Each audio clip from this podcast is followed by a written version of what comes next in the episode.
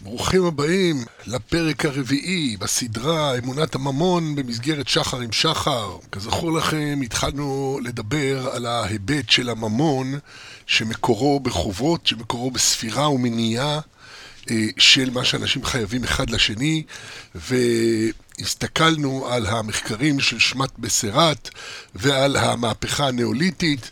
על התקופה הקדומה שבה אנשים החלו לתעד את החובות העתידיים שלהם, ועכשיו אנחנו נמשיך בנושא זה ונעמוד על אה, מספר מחקרים מעניינים מאוד ביחס להתפתחות היכולת הקוגניטיבית לספור.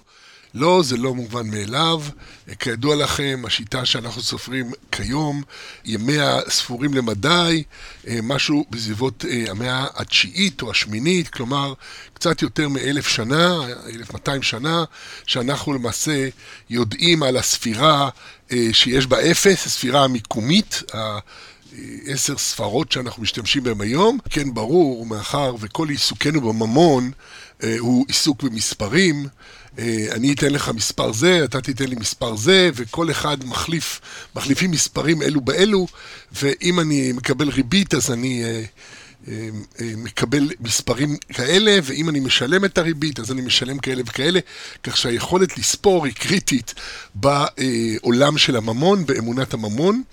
והיא עומדת גם במרכז השימוש שלנו בממון, במרכז היכולת שלנו להשוות בין ערכיהם של דברים שונים. היכולת הזאת לא הופיעה בן לילה. במחקרו על ההיסטוריה של מספרים וספירה, מתאר מנינגר בספר שנקרא מילות מספר וסמלי מספר, אה, היסטוריה תרבותית של מספרים. בספר זה הוא מתאר את התהליך הארוך של ההתפתחות של היכולת לספור. איש פיג'י, כותב מנינגר, נהג לסמן חריץ בעלתו כדי למנות את בעלי החיים או האויבים שהרג באמצעותה. כאשר מספר חריצים היה רב מכדי שיוכל להמשיג בבירור, הוא קיבץ אותם. אחרי כל תשעה חריצים הוא חרץ חריץ אחד גדול.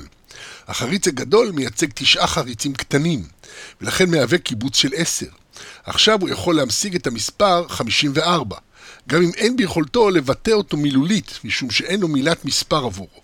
סך הכל מילות מספרים אינן הכרחיות לספירה. זו נקודה קריטית. הספירה היא לא קשורה בהכרח לשפה שתבטא אותה. הפיקטוגרמה, הצורה המספרית, היא החשובה, ו- ובאמת זה עניינו של הממון, שהוא צורה מספרית שאנחנו יוצקים בה את הערך. לפני שאנחנו קוראים לזה מילה, נותנים שם לצורה. וכך, כותב מנינגר, אנו מגיעים לסוגי קיבוץ שאנו רוצים לתארם כטבעיים או מסחריים. אסקימוסים קשרו את פרוותיהם יחד בחבילות של ארבע כדי להכין אותן למכירה, משום שנדרשו ארבע פרוות כדי להכין מעיל פרווה אחד. לפני שנשתמש בתובנה חדשה זו כדי לחקור רצפים היסטוריים שונים של מספרים, עלינו לדאוג לא להתעלם מההכרה שמילות מספרים מדוברות, והסמלים שבהם כתובים המספרים אינם עולים בקנה אחד. סמלי מספרים כתובים הם בהחלט לא ייצוגים של מילות מספר. מחקרינו מראים שהחוקים השולטים בספרות הראשונות, סידורן וקיבוצם, אינם תואמים לרצף המספרי שהוא סדרה עולה. ל-1, 2, 3, 4 וכו', סדרה עולה. לכן, כתיבתן של הספרות אינה מייצגת את הרצף של מספרים המובע במילים. וכך אנו ניצבים מול אחד הפרדוקסים הללו של ההיסטוריה התרבותית. שהרומאים, שהיו להם רצפי מספר מילוליים גמישים ומוסדרים היטב, השונים משלנו רק בפרטים דקים ביותר, השתמשו במערכת מספרים כה גסה ומסורבלת, שקשה לראות איך היא תוצר של אותה תרבות. למשל, המספר 4879 מבוטא במילים, כשכותבים אותו בשיטה רומית זה MMM DCCC LXX 1x או ix, וזה לעומת 4 ספרות, 4, 8, 7, 9.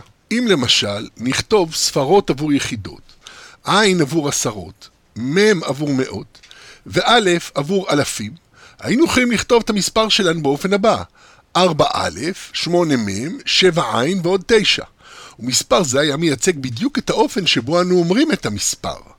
וזה בדיוק, ואיך אנחנו רואים אותו? אנחנו רואים 4,800, 70, 70, זאת אומרת שזה שבע עשרות, ותשע, את, הספר, את הספרות היחידות בנפרד. ככה אנחנו מדברים את המילה, אנחנו אומרים 1, 2, 3, 4, 5, 6 מילים עבור 4, 8, 7, 9 מספרים. ואם היינו עושים את זה בחלוקה הזאת שעכשיו מנינגר תיאר, מספר זה היה מייצג את בדיוק את האופן שבו אנו אומרים את המספר. וזה בדיוק מה שקורה בסינית. שם נכתבות מילות המספרים באמצעות אידיוגרמות שהיא גם המספר שלה. אז יש לנו אה, שו צ'יין, פאפאי, צ'ישה, צ'יו. שזה, שו זה ארבע, צ'יין זה אלפים, פי זה שמונה, פאי זה המאות. צ'י זה שבע, ושי זה העשרות, ואז צ'י עוד פעם, שזה התשע. זה ייצוג המספר 4, 8, 7, 9 בסינית, שזה 1, 2, 3, 4, 5, 6, 7 ספרות, או 7 תווים, 7 אידיוגרמות שמתארות את המספר 4, 8, 7, 9. עבורנו, המילה הכתובה 4 והספרה 4 הן שתי דרכים נבדלות ונפרדות לייצג מושג יחיד. לסינים יש רק מושג אחד, מילת המספר וה, והספרה זהות זו לזו. התאמה זו בין מילות מספר מדוברות לבין ספרות כתובות היא ייחודית, וזה גם המקרה הידוע היחיד בהיסטוריה העולמית, בסינית. הספרות ההודיות אינן מציינות את דרגת המספר באמצעות סמל מיוחד, מה שאמרנו עין או א' או מ', לא, לא מייצגות, אה, הספרות ההודיות לא מייצגות באופן ישיר את מילות מספר מילוליות, ובהמשך נראה שהן למעשה נגזרות מלוח ספירה. ההבדל המהותי בין שתי שיטות הספרות טמון בשימוש בסמל עבור, עבור דרגת המספר, או בהיעדרו של סמל כזה. על מנת לבטא את הכמות 4079, חייבת המערכת המספרית ההודית לציין במפורש את המאות החסרות, באמצעות הסמל של אין, דהיינו אפס, המצאת האפס. משהו שהמילים המדוברות לא עושות. הסינים מאידך יכולים להשמיט את המאות לגמרי ולכתוב 4א, 7 עין, 9. עם זאת, בכל הקשור למבנה הפנימי שלהן, שתי מערכות הספירות, שתי מערכות הספרות דומות. הן פועלות על פי עיקרון הדירוג שהוא מפותח יותר מסידור וקיבוץ בלבד. כך הם הגיעו למדרגה הגבוהה ביותר שהמערכת מספרית יכולה להגיע אליה. המספרים שלנו אינם נובעים מאותו מקור שממנו נובע האלף בית הפונטי, המשמש אותנו בעת כתיבה. האותיות שלנו אינן דומות לספרות שלנו. באופן טבעי היינו סבורים שכאשר השכל האנושי החל לטרוח לתעד את רעיונותיו ומושגיו, הוא היה ממציא את אה, מערכות דומות לכתיבתם של מילים ומספרים. שבע מבמילה ושבע הספרה. אך לא כך קרה, לא בתרבות המערב ולא במקומות אחרים בעולם. השיטה העתיקה של כתיבת ספרות היא בכל מקום הבוגרת מבין שתי האחיות. מאחורי הקלעים חמקה לה והשתלבה אצלנו לינגואה, פרנק, לינגואה פרנקה, כלומר שפה עולמית פיקטוגרפית שכולם דוברים אותה, כל אחד דובר אותה, מזהה אותה בשפתו שלו. מהו מספר זה? הספרה החמש, דמיינו את הספרה חמש. עכשיו, בכל שפה אנחנו נגיד את הספרה חמש במילים אחרות. בעברית נגיד חמש, נגיד five, באנגלית, פט, נגיד בסינית איזה מילה, נגיד fünf בגרמנית או cinq בצרפתית וכו', וכל זה אותה ספרה, לכל שפה יש מילה אחרת. הסמל הפך לפיקטוגרמה מקובלת של תכונות החמשיות המוכרת לכל, או תכונת החמשיות המוכרת לכל. זהו אובייקט שהשפה מוכלת עליו עתה באופן של מציאת תווית. וזה בדיוק הנקודה שאנחנו מדברים פה הרי על הכסף, על הממון כצורה המתמלאת בערך. אותו דבר, אז פה הצורה היא בעצם הפיקטוגרף הזה, התמונה הזאת של הספרה. החמש זה הצורה של הממון שאנחנו מייחסים לו ערך 5. זה יכול להיות 5 יורו, או 5 דולר, או 5 שקל, או 5 לבע, לא משנה איזה 5 זה. הספרה היא הצורה שסופנת בתוכה את הערב, את הערך. הספרה המספרית היא עומדת מוכנה להיות צורה. עד הנה ציטוט ממנינגר. כמובן שעוד לקח יותר מאלף שנה עד שהחידוש הזה של הספרות הערביות התפשט בכל העולם, וכולם התחילו להשתמש בשיטה העשרונית, המשתמשת בכמות ובמיקום של עשר סימנים כדי לבטא אינסוף מספרים. אך ההפרדה הזאת, ההתפתחותית, בין ייצוגי מספרים לבין המילים המבטאות ייצוגים אלה, ההופעה של שפת סימנים אוניברסלית מובנת לכל, היא בדיוק אחת מתכונות היסוד של הממון, שהוא מונה את הערך בכל השפות. אין ספק שההתלכדות בין האוריינות המספרית שצמחה מתוך לוחות החרס הקדמונים של בבל עם צורכי המסחר המאוחרים יותר, בהם המשקל מילא את התפקיד המרכזי של עמידת ערך, שימוש שמושרש היטב בשפות השמיות הקדומות במונחים כמו כבוד ועיקר, לשון שקילת ערך, היו כולם חלק מהלינגואה פרנקה האמורה. כל סוחר יכול לשקול את כספו, והדרך אל הממון כבר הייתה פתוחה. מעצם הנגישות הבינלאומית של המחשבות הללו של שקילה ומדידה. פה אנחנו למעשה נכנסים למערך של הצד השני של הכסף, כן? כמשהו מוחשי, צורה מוחשית, כסף, ממש המתיך, המתיך, החומר כסף, המתכת כסף, או המתכת זהב, שמודדים את הערך שלה על פי המשקל, שזה משהו חושני, אתה יכול להחזיק גוש זהב ביד, וזה הערך. עכשיו, ברגע שהם למדו להשתמש במאזניים, משקלות, במידות של משקלות, ו- ולהכיל את המספרים על המשקלים, התחיל התהליך של האיחוד בין שתי ערוצי ההתפתחות של הכסף. הכסף והזהב, כן, היקר, וה... ש... שהוא בעל משקל משמעותי, והערוץ השני של המספרים המתעדים חובות, המתעדים כמות, וזה הלך והתלכד יחד. למרות שהמטבעות המסודרים הראשונים המבוססים על משקל כבר הופיעו כ-400 שנה לפני ימיו, ניתן לזקוף לזכותו של אלכסנדר מוקדון את הכינון של המטבע הראשון, העובר לסוחר. כן, אלכסנדר שלנו, שלנו, אלכסנדר הגדול, אה, מרעיש הממלכות, הוא אה, גם אחראי על כינון מערכת הממונית שהיא חלק מההיסטוריה של הממון ובעצם אה, עומדת שם בבסיס של התופעות שהיום רק מתחילות להיעלם, כן, הכסף המזומן שהולך ונמחק היום. אבל הוא כונן את המטבע העובר לסוחר. אלכסנדר הקים בחייו מעל 20 מטבעות. כל מקום שהיה כובש מקים מטבעה. שטבעו מיליוני מטבעות מתוך מדיניות מכוונת ליצור צורה ממונית מסודרת בכל האימפריה ומתוך דגש על כמות מספקת של מטבעות קטנים גם עבור צורכי היומיום. זה ממש היה לב המהפכה. לקחת את הכסף או את הזהב הגולמיים ולצקת אותם בצורה ספציפית במשקלים כאלה שהם יכולים להיות עובר לסוחר, שיכולים להתפשט בחברה בצורה יותר משמעותית, וזה בעצם הראשית, בוא נקרא לזה הדמוקרטיזציה של הכסף, שהוא מתחיל להתפשט בציבור ומתאים לצורכי היומיום. אה, הקשר המוחשי בין משקל לבין ערך נשמר לכל אורך הדרך, אך סודרה היררכיה של משקלים מקטן ועד גדול, כאשר הדרחמה של אלכסנדר, זה יחידת בסיס, שוקלת 4.3 גרם במדויק. ומטבעות אחרים מייצגים כפולות של משקל בסיסי זה. הדקה דרחמה, פי 10 במשקל 43, או הטטרה דרחמה, פי 3 במשקל 17.2 גרם, או האובול, שזה שישית הדרחמה, במשקל 0.72 גרם. המערך כולו כיסה את כל צורכי החיים באמצעות מנעד משקלי מלא, החל ממטבעות זעירים ביותר, במשקל של 0.09 גרם, שזה 1 חלקי 48 ממשקל הדרחמה, וכלה במטבעות מסיביים משקל 43 גרם, שזה 10 דרחמות.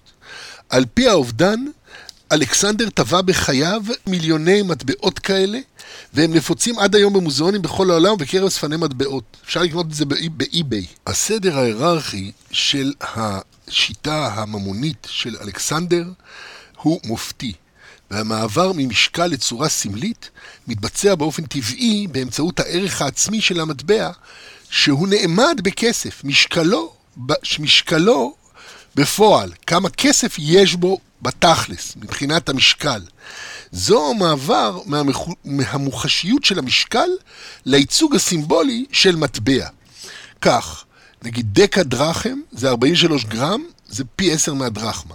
טטרה דרחם, 17.2 גרם, פי 3. דרחמה, 4.3 גרם, שזה כאילו הבסיס. האובול, 0.72 גרם. הטטרה טמוריון, 0.18 גרם, 1 חלקי 24 מהדרחמה. הכל זה משקלים. אתה קיבלת מטבע, ידעת את ערכו, את שוויו, בכסף. ההסדרה הקריטית הזאת של הכסף הנוצץ, הרצוי לכל, במארזים קומפקטיים בעלי משקל קבוע, הייתה גשר ביניים חשוב בהעתקת תודעת הממון כבעל ערך מוחשי, משקל שניתן להחזיקו בכף היד, מסה ממשית פיזית שערכה שווה למשקלה המוחשי, אל ייצוגים מופשטים יותר של אותה תודעה. אנשים הורגלו במטבעות אלה ובשווי שלהם בעסקאות ביניהם, בלא שיצטרכו לשלוף מאזניים בכל חליפין. והערך המוחש והאמונה בשווי חלו על צורתו החיצונית של המטבע. זה הפסיק להיות 4.3 גרם כסף, והתחיל להיות דרחמה. ודרחמת כסף אחת קונה כך וכך ושווה כך וכך. הערך יוחס לצורה ולשם דרחמה, מתוך אמונה וביטחון שהשווי אכן נמצא באותה צורה ושם. המעבר הזה ממתכת שערכה נמדד במשקלה, למטבעות שצורתם ושמם מעידים על ערכם, היה צעד קריטי בהתפתחותו של הממון כפי שהוא מוכר לנו היום, ואף נוצל באופן ציני במהלך ההיסטוריה על ידי שליטים רבים, שהרבו את הונם באמצעות דילול תכולת המתכת היקרה במרכאות במטבע, במטבעותיהם. ברגע שאנשים נתנו את אמונתם בצורה, ניתן היה למעול באמון זה. אמנם זאת רק כל זמן שהערך יוחס עדיין למשקל המתכת, ולא לעובדה שאנשים מאמינים שהוא שווה משהו. תופעה זו, שנעלמה היום, מאחר ואין הצורה ההמונית המודר... המודרנית מייצגת דבר חוץ מאת האמון שאנשים נותנים בה. אומנם גם היום, כפי שאז, יודעי דבר ומביני חן הם אלה שתמיד ידעו אם המטבע באמת שווה משהו או לא שווה משהו. אה, כי למשל, אה, סוחרי מטבע בינלאומיים, סוחרי מטח, יודעים אם הדולר באמת שווה 3.8 אה, או שהוא שווה רק 3.2. כלומר, מה הערך האמיתי שיש בתוך הדולר. המשתמשים היומיומיים הרגילים, האנשים שחיים בתוך עולם הדולר, רק יודעים שהמחירים התייקרו. הדולר מבחינתם הוא עדיין אותו דולר, רק הם צריכים יותר דולרים בשביל לשלם עבור מה שהם משלמים. כלומר, הם חווים את פיחות המטבע באופן שהמטבע הזה כבר לא שווה כמו שהוא היה שווה קודם, אבל הם לא יודעים מה בדיוק הערך הפנימי שלו, כפי שיודעים אנשים המקורבים לעניין, שנמצאים למשל בשווקי המטח. האמת שהיום כל אחד יכול לדעת, מי שבכלל נותן דעתו על זה, אבל רוב האנשים לא אכפת להם, לא מתעסקים עם זה. אתה הולך למכולת עם 100 שקל, אתה לא תסתכל עכשיו לראות כמה השקל הזה שווה בדולרים, למרות שבתודעתך אתה יודע שהוא לא שווה הרבה, ואולי אתה כן תסתכל, כי יש דולריזציה, עוברים לשימוש במטבע אחר, כשהערך של המטבע שאתה אוחז כרגע הוא לא שווה הרבה. בכל מקרה, התופעה הזאת של צורה שמתרוקנת משוויה, מערכה הפנימי, אבל אנשים רבים עדיין מחזיקים בה, זוהי תופעה שהכלכלנים קוראים לה, אה, נדמה לי, אשליית הממון או משהו כזה. כלומר, איזה אנשים טיפשים שלא יודעים שהערך של הכסף שלהם מתרוקן. אבל רוב האנשים פשוט מאמינים בערכו של הכסף. אתה לא לוקח כל שטר ושואל את השטר שהיה בכיסך אתמול, אה, או השטר שאתה מושך מהקיר היום, שזה בדיוק עוד נראה אותו שטר כמו שהבנק הפיק לפני כמה שנים, בכל פעם מוציאים הרי סדרה חדשה, אז אתה לא שואל אם השטר הזה היום פחת ערכו, ייסף ערכו, אתה לא עוקב כל הזמן אחרי המשקל הפנימי של השטר שלך. וכך היה גם במטבעות, ברגע שקיבלו את הצורה כמכילה את הערך, אז הצורה שומרת את צורתה, אפילו כשהיא מתרוקנת מתוכנה. אז עכשיו, כל מה שדיברנו עד עכשיו, המערכת הזאת של החובות, המערכת של כינון ספירה, כל הדברים האלה זה תהליכי פנים, שבהם אנשים צוברות, צוברים חובות אלו כלפי אלו, אה, ובהמשך זה גם תהליכי מסחר בין שווים שלא יכולים אה, לרמוס אחד את השני, מסחר בינלאומי שמילא תפקיד משמעותי בכינון הממון, ונראה אותו עוד בהמשך. בכל מקרה, מה שתיארנו עד עכשיו זה היו מהלכי פנים. עכשיו אנחנו עוברים לדבר על מנגנוני החוץ של התפתחות הממון, שזה הקשר בין מלחמה וממון. כאשר מדובר במי שנמצא שם בחוץ, באלו שאינם שייכים לחברת הפנים, מתברר שאיש אינו מייחס להם זכויות קניין, אלא להפך. שם נוהג משפט אחר, להשמיד ולהרוג ולאבד את כל חיל עם ומדינה, ושללם לבוז. זה מתוך מגילת אסתר. איש אינו מבטיח את זכויות הקניין של הזר, אלא להפך, הוא עצמו נקנה כמלכוח ושלל של הכובש המנצח. כך התנהלה האנושות במהלך ההיסטוריה, כל דאלים גבר, והכובש לוקח וקונה, ומי שמובא מבחוץ אל הפנים, מי שבמקום להיהרג נשבע, הופך לתחתית ההיררכיה של חברת הפנים. עבדים ושפחות שאין להם זכויות קניין, ואם בחברת הפנים שלהם היה להם רכוש, הרי שהוא עבר לידי הכובש כבזיזה, והם עצמם כנועים לאדוניהם, ונתונים עתה להיררכיה של חברת הפנים הכובשת, הקובעת למי הביזה ולמי העבדים ולמי יש זכויות קניין, בעלי הכוח והשררה ולמי אין, אנשים הנשים, הילדים, העבדים והשפחות. כך, כבר מנקודת פתיחה זו ראוי לשים לב לכך שבאופן היסטורי, זכויות הקניין היו נחלתם של מיעוט של שליטים ובעלי כוח בתוך היררכיות הפנים של חברות, בעוד שזכויות הקניין נשללו מרוב בני האדם. עבדים, נשים וילדים, זרים, נטולי קרקעות או קבוצות אחרות שנאסר עליהם הקניין על פי החוק. כשמדובר בכבוד כלפי קנייניו של האחר, יש הבדל ברור בין החוץ לפנים של הקבוצה החברתית. בתוך כל קבוצה אנושית פנימה נוהגים חוקים משמעותיים המעניקים כבוד לקניינים. חוקים כמו לא תחמוד ולא תגנוב, המסדירים את היחסים בין הבריות. החוקים אחרים לגמרי נוהגים כלפי חוץ, שם באופן היסטורי נהגו לוחמים לבזוז ולחמוס את כל שליבם חמד, וללא כל כבוד כלפי זכויות הקניין של האויב, כי תצא למלחמה על אויביך, ונתנו אדוני אלוהיך בידיך, ושבית שביו, וראית בשביה אישה אשת יפת תואר, וחשקת בה ולקחת לך לאישה. זה דברים כ"א י"ד, י' י"ד. כך ברור שזכויות הקניין שהממון מתווך ביניהן שייכות לחברת הפנים, שבה אנשים מכבדים את ייסורי החימוד והגניבה. ואם הם לא מכבדים, אז אותו כוח שבוזז את האויב מופנה כלפיהם באמצעות המנגנונים של השיפוט והשיטור הפנים-חברתיים, כדי למנוע את התנהגותם הבלתי ראויה ואף להעניש עליה. אחרי שהבדלנו בין הפנים, עם הכבוד לקניינים לבין החוץ המופקר לבזיזה, נבדוק את שני התחומים האנושיים הללו, המוסדר והמופקר, כדי להתחקות אחרי התפתחות הממון. במבט ארוך לאחור, אם אנו רואים שהיצור האנושי הוא פרי התפתחות ארוכה מאוד, פרי היסטוריה של מיליוני שנים, שבה חיו אבותינו הקדומים מסגרת קבוצתית. עצם שבריריותו של היצור האנושי בלידתו והזדקקותו לתמיכה של קבוצה לכל צרכיו מעידה על התפתחות ייחודית ארוכה במסגרות קבוצתיות. אמנם התופעה הציוויליזטורית, תופעת תרבות האדם, היא תופעה חדשה למדי, העוברת תמורות מרחיקות לכת בפרק זמן קצר מאוד, בקנה מידה גיאולוגי.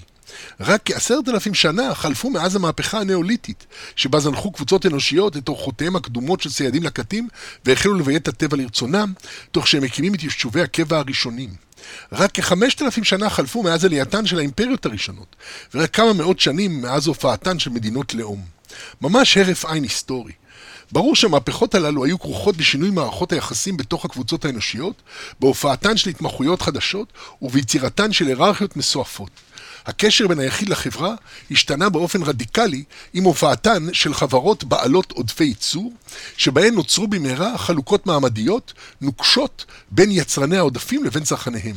בתוך הקשר זה מופיע הממון כתופעה חברתית המאפשרת לנהל חברות בעלות מורכבות הולכת וגדלה, ובאפשרה העברה של קניינים, תוצרים ומאמצי חיים מהיחיד המחזיקם בבעלותו לאחרים, ובכך הוא הורג את כל המערך המורכב של החברה המודרנית.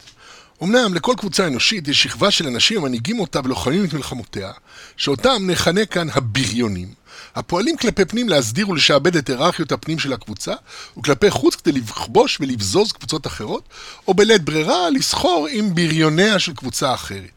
קבוצות אנושיות ניחנו ביחס דיפרנציאלי ברור ביחס למערכי פנים ומערכי חוץ. כלפי פנים יש היררכיות ברורות הנשמרות באמצעות חוקים ומנהגים, נימוסים עדינים, הליכות ישרות, ומצפונם המטופח היטב של יחידים, ובעת הצורך גם בכוח הזרוע, השיטור והשעבוד. כלפי חוץ, ההיררכיה היא קבוצה מול קבוצה, אנחנו והם. אני ואחר, אנחנו הטובים והטהורים, והם הרעים והטמאים. אנחנו אוהב והם אויב. והבריונים השולטים בקבוצה אחת נלחמים בבריונים השולטים בקבוצה האחרת, והיררכיות הפנים של כל קבוצה מגויסות לתמיכה בבריוניהם, הנקראים מלכים, שליטים וגיבורים, במלחמתם נגד בריוניהם של קבוצות אחרות. לכל אורך ימיה של האנושות טרפו קבוצות אלו את אלו.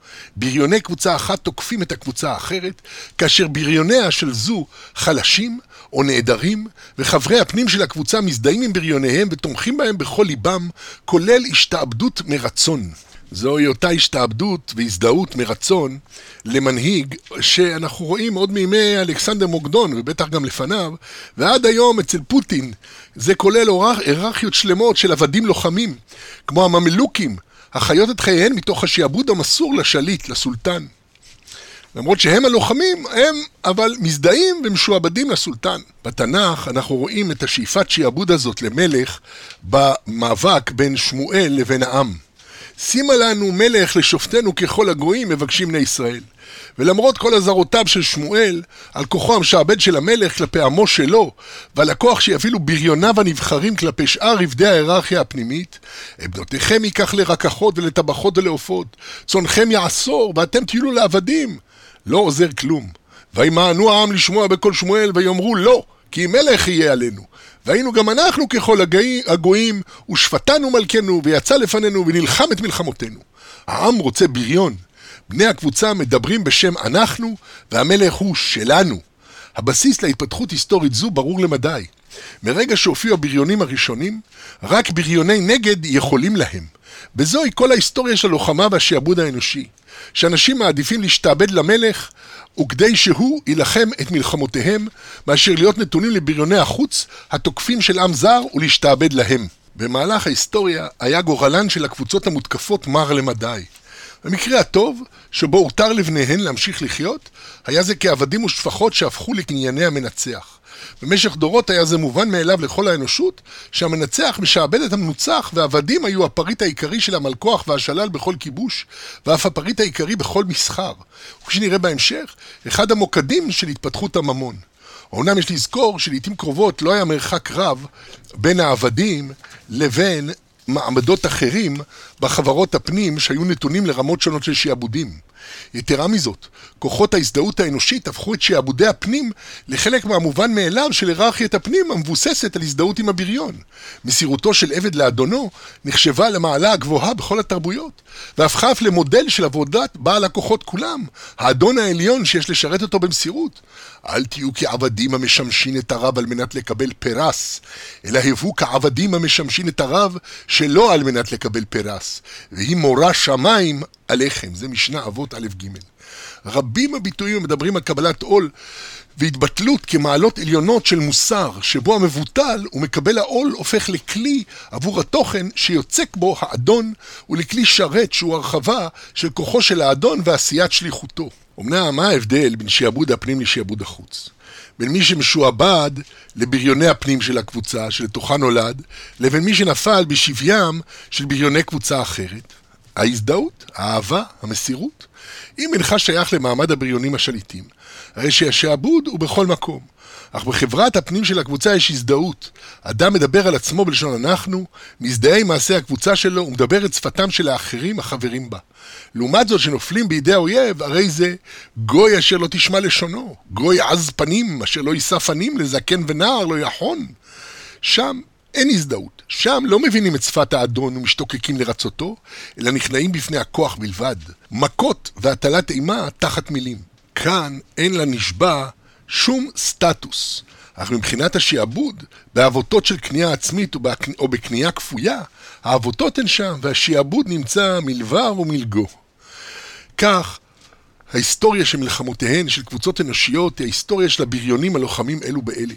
וכל דור מצמיח בריונים עזים ומתוחכמים יותר, ואוכלוסי הפנים של כל קבוצה עסוקים בטיפוח בריוניהן שלהם. מבחינה זו, היו שליטי האסלאם המתוחכמים ביותר, בכוננם היררכיות של עבדיהם באמצעות טובות הנאה שונות, עד להענקה של שחרור, שהסתמך בעצם על נאמנות לאדון. היו להם עבדים לכל דבר, החל מהממלוקים, עבדי המלחמה שלהם, וכלה בהיררכיה של סריסים שחורים ושל סריסים לבנים ששמרו על ארמון הסולטן באיסטנבול.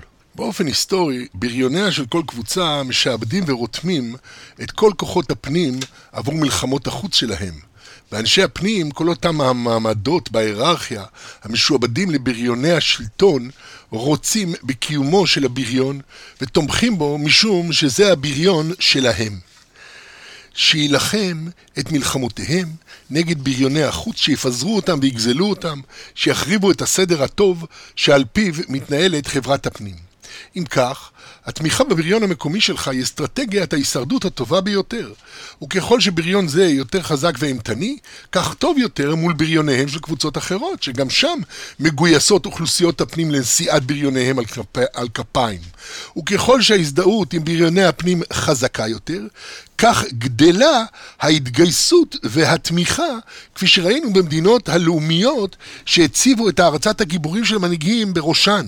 גרמניה ויפן, וכיום במדינות טוטליטריות רבות מסין ועד רוסיה. ככל שכוח הקבוצה גדל, כך גדל ביטחונם של האוכלוסין מפני טריפתם של קבוצות אחרות. החידוש של הדמוקרטיה הוא החלשת הבריונות כלפי פנים. האוכלוסין של קבוצות דמוקרטיות התחילו להטיל מגבלות על כוחות הכפייה של בריוניהם כלפי פנים, אבל הכוחות הללו תמיד שם. כפי שראינו בסגרי הקורונה, עת סגרו קבוצות את הקרומים המפרידים בינן לבין העולם, והחזיקו את יחידיהן ביד תקיפה בתוך הבתים עד יעבור זעם. כמובן שזה היה מתוחכם יותר. שהרי גם בשיא מגפת הקורונה המשיכו שרשראות האספקה הבינלאומיות הארוכות אה, לתפקד. הסופרמרקטים לא התרוקנו. מתוך רקע זה של בריונים ומלחמותיהם, מתחיל הדיון שלנו בקניינים וממון. מתוך ההכרה שהכבוד לקנייניהם של אחרים והשמירה על זכויות הקניין של אחרים הן תופעות פנים בלבד, שהרי הייתה לגיטימציה מלאה לבזוז את קנייניהן של קבוצות אחרות ולא הוקנו להן שום זכויות. אם כך, מאחר והקניין והזכויות הקשורות אליו הן תופעות פנים, נשאלת השאלה מי מחברי הפנים של כל קבוצה רשאי להחזיק בקניין, ומהיכן ואיך צמחו להם זכויות הקניין. ובזה אנחנו בעצם מגיעים לשאלות של הפנים והחוץ וההיררכיות של זכויות קניין. הדילמה של הקניין היא פשוטה, האם מותר לך לחטוף בננה מידי אדם אחר, או שעליך לכבד את בעלותו עליה. ובמדרגות הגבוהות אפילו לחמוד אותה אסור לי. נקודת ההכרעה ביחס לשאלה הנ"ל ברוב התרבויות האנושיות היא מהותנית והיררכית. ראשית, השאלה המהותית. האם מחזיק הבננה הוא בן קבוצתך או זר? אם הוא זר, רוב תרבויות האדם התירו את הביזה, ולעיתים אף קידשו אותה. אמנם אם הוא חזק ממך, אולי כדאי שתחשוב פעמיים. אולי כדאי לך להסתלק משם לפני שהוא יבחין בתפוח בידך. אם מתברר שמחזיק הבננה הוא בן קבוצתך, מקבלת שאלת החטיפה ממדים נוספים. ראשית, ברור שאסור לך לחטוף ושעליך לכבד, אבל האיפוק והכבוד הללו מותנים בדברים רבים. ראשית, הם מותנים במדרגה של המחזיק בהיררכיה. ילד שמחזיק בננה המיועדת לאורחים, יגלה במהרה שהעובדה שהוא מחזיק אותה בידו ומתכוון לאוכלה אינה מבטיחה את קניינו. במשך כל ההיסטוריה היו זכויותיהם של נשים ושל ילדים כפופות לזכויותיהם של הגברים, וחברת הפנים לא ראתה כל פגם בכך שאלו שהיו בראש ההיררכיה נהנו מהבננה תחילה. חברות פנים רבות במהלך ההיסטוריה כללו גם עבדים ושפחות ומעמדות נוספים שלא היו בעלי זכויות קניין ולכן גם כשחטפו מידיהם את מה שהיה ברשותם לא נחשב הדבר לפריעת חוקי הקניין בעיני חברי קבוצת הפנים. שנית, גם כאשר מדובר על קבוצת השווים, הכל תלוי במידה שבה הפנמת את ערכי היושר, ההגינות והצדק.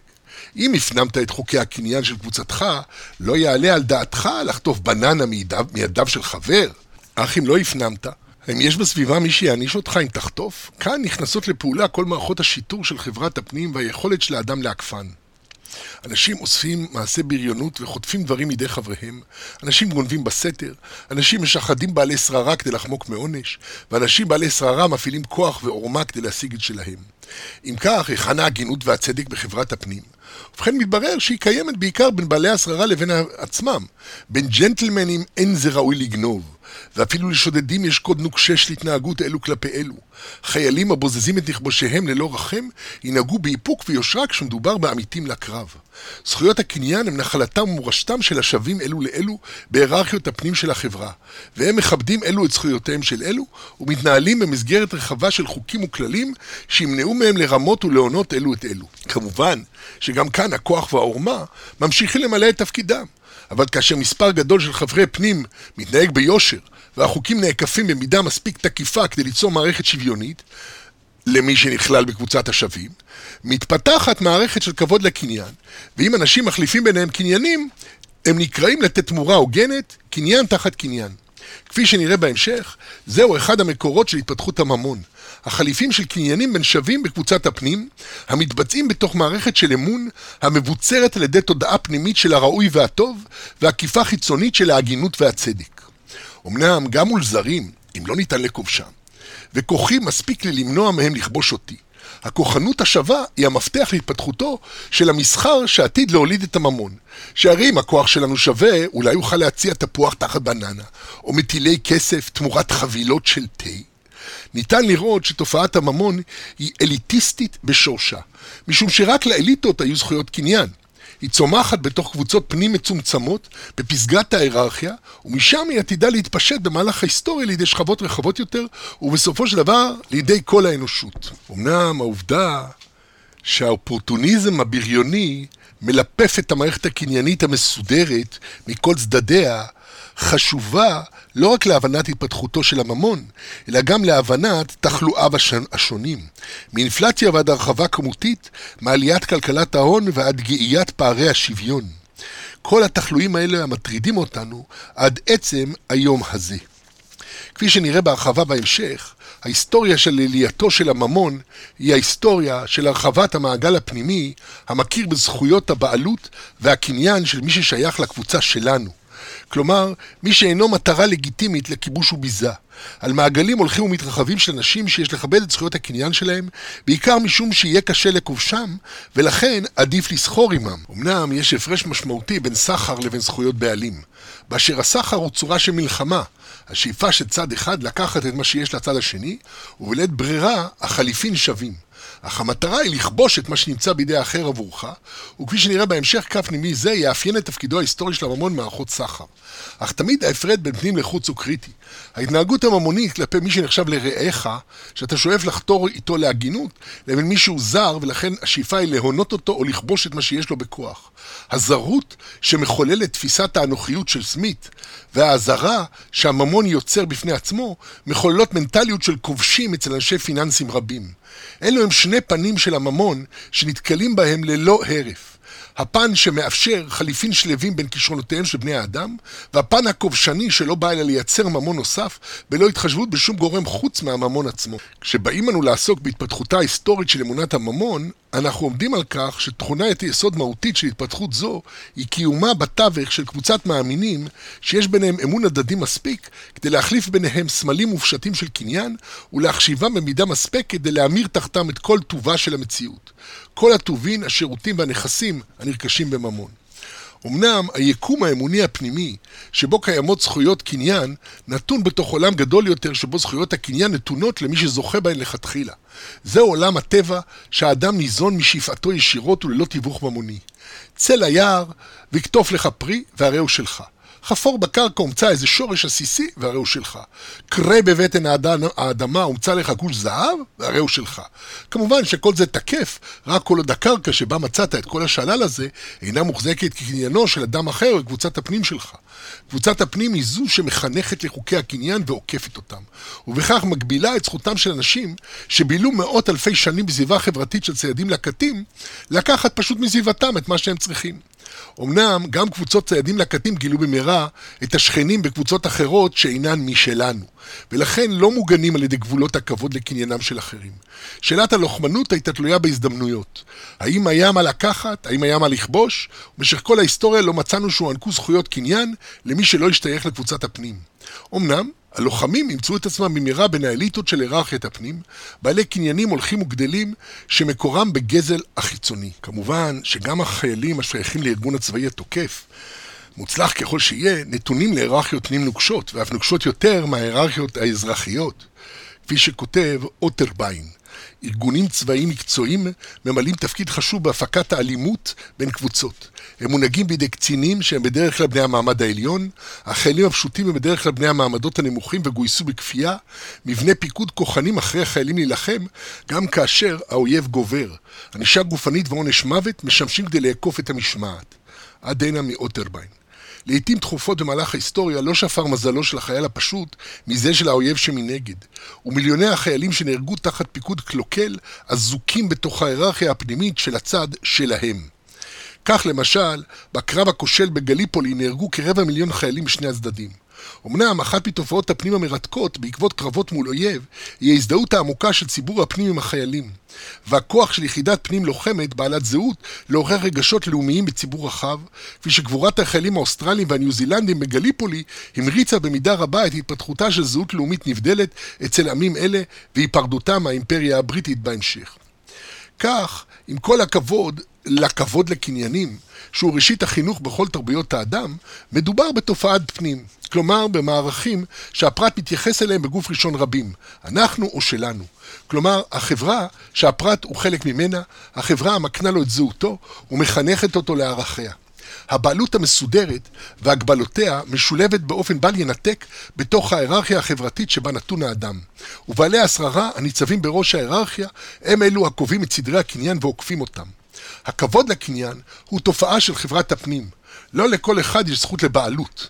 שימפנזה זר או אדם זר ימצאו את עצמם מותקפים במהרה על ידי קבוצת הפנים, כפי שימצא את עצמו חבר בחברת הפנים שיחרוג מהכללים הקובעים מה שייך למי ולמי יש זכויות קניין. זוהי עובדה קריטית, שלא לכל אחד מוקנות זכויות הקניין המולדות שנראות לנו טבעיות, אלא רק היררכיות כוחניות מבטיחות את זכויות הקניין של חבריהן, ומי שאינו מקום טוב בהיררכיה לא יוכל להחזיק בקניינים כלל. מעניין כאן לחזות בהתפתחות ההיסטורית של הקניינים, באופן שבו ביזת חוץ הופכת מהלך הזמן לקניין פנים. ניתן לעמוד על התמורה הזאת בהיסטוריה של הווינקינגים.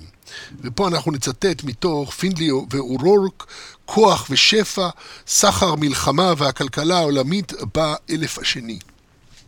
אז הם כותבים כך: להתקפה ויקינגית של קבוצה עצמאית קטנה לא היה שום תמריץ להימנע מהריגתו של האווז המטיל ביצי זהב באמצעות החרבתה של עיר או נקודת סחר משמעותית. אמנם כאשר מנהיג של מדינה גדולה יוצא למסע ביזה כזה, כמו המלך הדני סוון פורד, פורדברד או בנו קנוט, כפי שקרה באנגליה בתחילת המאה ה-11, הם כבר נקטו דפוס של סחטנות שיטתית יותר ואפילו השתלטות אדמיניסטרטיבית. התמריץ החזק ביותר עליו הסתמך בית המלוכה הפורטוגזי הייתה זו של הזדמנויות ביזה. בתוך אימפריה יש לנציגי המדינה מחויבות לשמור על חייהם ונכסיהם של העמים הכבושים, בתנאי שהם ישלמו מס למדינה, ומתוך מס זה מקבלים הנציגים את שכרם. האימפריה הימית של הפורטוגזים הייתה מסוג אחר. מדינות, שבטים ויחידים בני דת האסלאם ועובדי אלילים היו נתונים כולם לצורה כזאת או אחרת של טורפנות מצד פורטוגל ונציגיה. ניתן היה להזין נקודות חזקות בחוף באמצעות התקפות ביזה על אזורים סמוכים ולתחזק את הצי בים באמצעות השלל, השלל והמלכוח. ערים ומדינות שסירבו להיכנע הציעו הזדמנויות טובות במיוחד לביזה מאורגנת.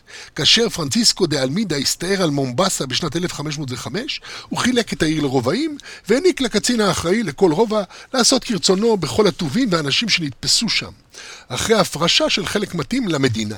בעיה אחת בהסתמכות על ביזה ככלי לבניית אימפריה הייתה שההזדמנויות באזור נתון מוצו במהרה וחייבו הרחבה של גבול הביזה. אחרי הרווחים הראשונים של תפיסת העושר, לא הייתה ברירה אלא לשוב אל הזדמנויות שגרתיות יותר, כמו גביית מיסים ורווחי סחר מסחריים. עד הנה מפינלי ואורוק.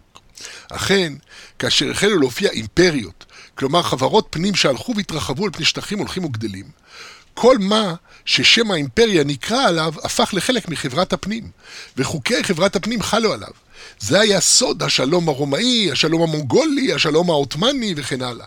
שמי שנמצא בתוך האימפריה נאלץ להעלות מס במקום להיות לבז. בקיצור, חולבים את הפרה במקום לשחוט אותה.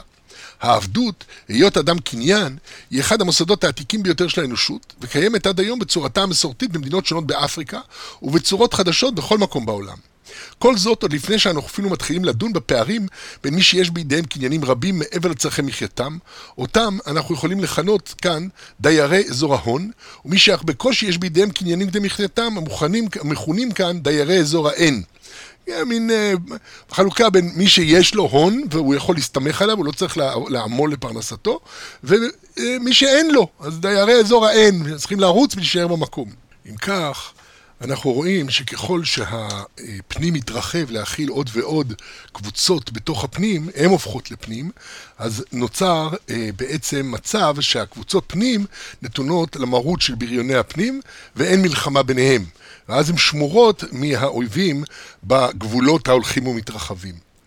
בכל מקרה, זה המצב שבו עכשיו אנחנו אה, נפנה, נפנה את המבט אל האופן שבו הממון יתפתח בתוך המסגרת הזאת. בתוך ההקשר הזה של זכויות קניין במערכות הפנים, וההקשר החיצוני של מלחמות אה, בלי סוף בין בריוני כל קבוצה לכל קבוצה, אנחנו צריכים לראות עכשיו כיצד הצורות המספריות של הממון הולכות ומוצאות את התפקיד שמשמש אותם היום של תיווך בין אנשים. אם כך, אתם מוזמנים להצטרף אליי אה, בפרק הבא לעיון בצורות הממוניות, ראשית התפתחותן ותכניהן, במסגרת הסדרה הזו, אמונת הממון, במסגרת הכללית של שחר עם שחר, להשתמע.